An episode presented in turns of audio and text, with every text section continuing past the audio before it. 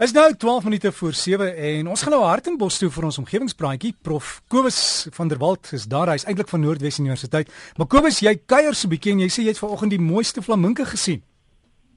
Môre Derek, ja man, dis ek sit hier en kyk hier oor die straat, uh, eintlik die lagoon hier by Hartenbos en hier's 'n klomp flaminke in die water. En weet jy, Janie Moelman en Eden het nou so gesing van blessed maar ek voel ver oggend geseën. Dit is dan voorreg om op vakansie te kan wees en wakker te word met so 'n pragtige gesig in jou oë.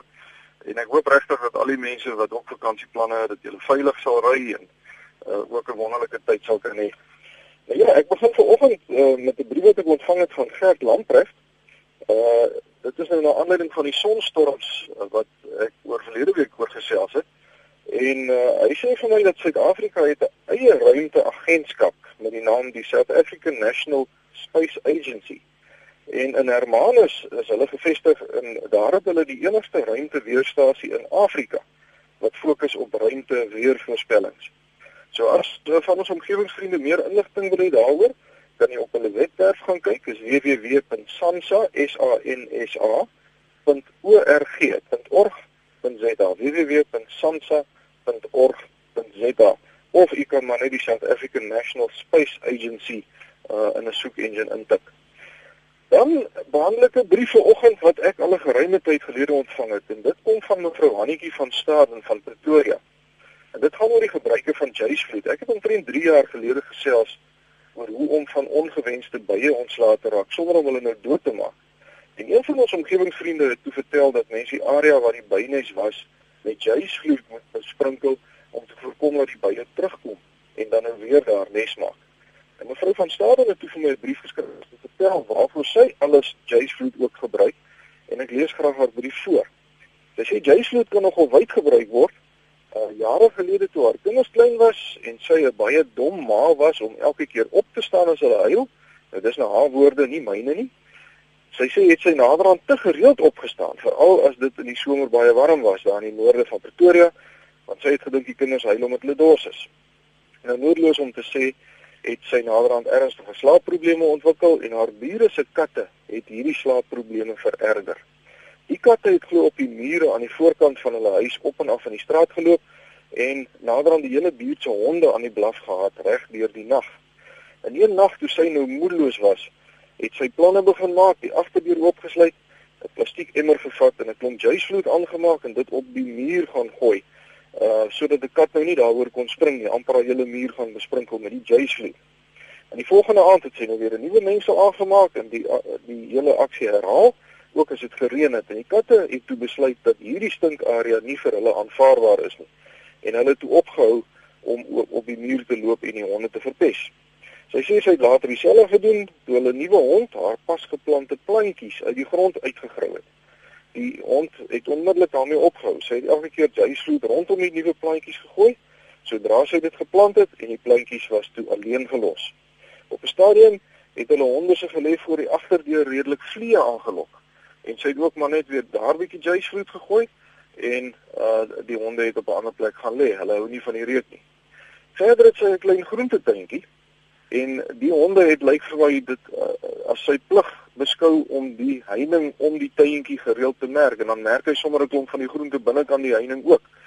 En ook in hierdie geval het mevrou van Staden gereeld aangemaakte juicevloed langs die grondbedekker al om die groentetuintjie gegooi en uh, die hond kom nie meer daar nie. So sê wat sy wel opgemerk het is dat aardwurms lyk my 'n bietjie swaar kry. Hulle kom uit die grond uit en dan krul hulle rond, maar sy kon nooit dooie aardwurms vind na 'n dag of wat wanneer sy nou gaan ondersoek instel het nie soos sy dink nie dit is te skadelik vir hulle nie. Sy sê verder hulle het 'n klompie aandele in 'n wildsplaas naby Warmbad. En wanneer hulle nie daar is nie, sit die bobbejane op hulle ou Jeep wat hulle gekoop het en hulle sit op die stoep by die vensterbanke, hulle kyk vir hulle self in die vensters en dan bemors hulle die hele wêreld sodat dit erg onsmaaklik is om op 'n Vrydag aand nou daar op die plaasie op te dag. En toe het sy ook Jacefoot ingespan sy het toe begin om elke naweek sodra hulle op die plaas aankom skoon juisvloed op die minder sigbare plekke op die klippe rondom hulle huis te gooi waar mense nou die swart juisvloed kolle nie van die huis af kan sien nie en kort voor lank het die bobbejane die huis totaal begin vermy so sy gooi nou nog steeds uh, een keer in 6 tot 8 maande 'n bietjie juisvloed en die bobbejane kom glad nie meer naby die huis nie. Sy sê die jaysvloed het geen effek gehad op die kuddes, die nyalas, die zebras en ander bokke nie, maar sy het agtergekom dat kameelperde nou nie meer naby die huis kom nie. Maar dit kan ook wees dat daar eh, dat die rede daarvoor is daar's baie lekker groot bome onder in die vallei uh, waar hulle dan dalk eerder gaan wy. Maar die bokke is steeds gereeld by die huis en uh, die kuddes is veral soms vies as hulle daar opdag uh, omdat hulle selfs maar nagtig staan en kyk of hulle of die mense nou nie dalk eers op die vlug gaan slaan nie. Uh so die kuddes lyk my word glad nie geplaas deur die jaysvloed nie. En dan sluit sy haar brief af met die wens dat jaysvloed vir ander mense net soveel sal beteken as wat dit vir haar beteken. Dan sy maan dat sy maar versigtig is met die hantering daarvan, want dit lyk vir haar maar baie so swart teer en dit lyk of dit giftig kan wees. Nou ja, baie dankie mevrou Hannetjie van Stadium van Pretoria vir u lekker brief. En ek wil graag vanoggend vir al ons omgewingsvriende verwys na 'n dokument wat bekend staan as 'n MSDS. Dit staan vir Material Safety Data Sheet. En alle chemiese stowwe wat iewers gekoop kan word, het so 'n dokument. So as jy dus enigstens onseker is of 'n chemiese stof giftig is of jy weet nie wat die invloed op die omgewing dalk kan wees nie, dan jy maar net MSDS en dan die naam van die vloeistof in 'n soekengine intik op die internet en dan sal u by daardie dokument uitkom MSDS Material Safety Data Sheet.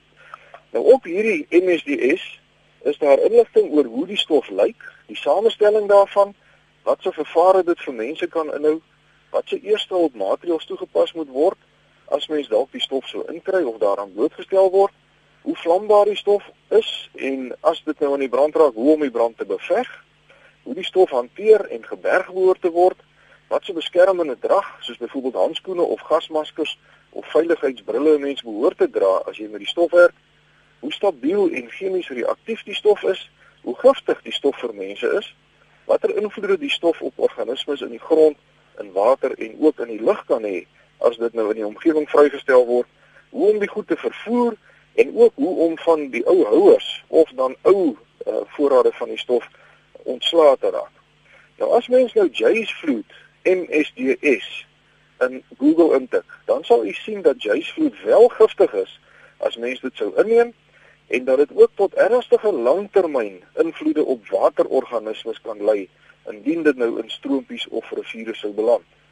So alhoewel iets soos jaysvloed dis 'n baie handige stof is om van verskeie goed ontslae te raak wat 'n mens mag pla, moet omgewingsvriende asseblief altyd eers die MSDS van enige stof wat u in u tuin of op enige ander plek wil aanwend op die internet kry en dit dan nou deeglik lees en die nodige eh, die nodige verantwoordelikheid aan die dag lê om nou nie u self, u kinders, u troeteldiere of die omgewing dalk onnadenkend te vergiftig of te beskadig nie. Omgewingsvriende, daarmee sluit ek af. Ek hoop jy het 'n heerlike vakansie soos wat ek het. En as jy vir my wil skryf, ek sal nou eers in Januarie by die e-pos weer uitkom. Maar my e-posadres is kobus.vanderwalt by nwu.ac.za of u kan my kry by die fakulteit Natuurwetenskappe Noordwes Universiteit Potchefstroom 2520. Vriendelike groete tot 'n volgende keer. Tot 'n volgende keer. Dankie Kobus en lekker kuier daar in Hartenbos. Daai e-posadres is kobus met 'n k kobus.vanderwalt by nwu.ac.za.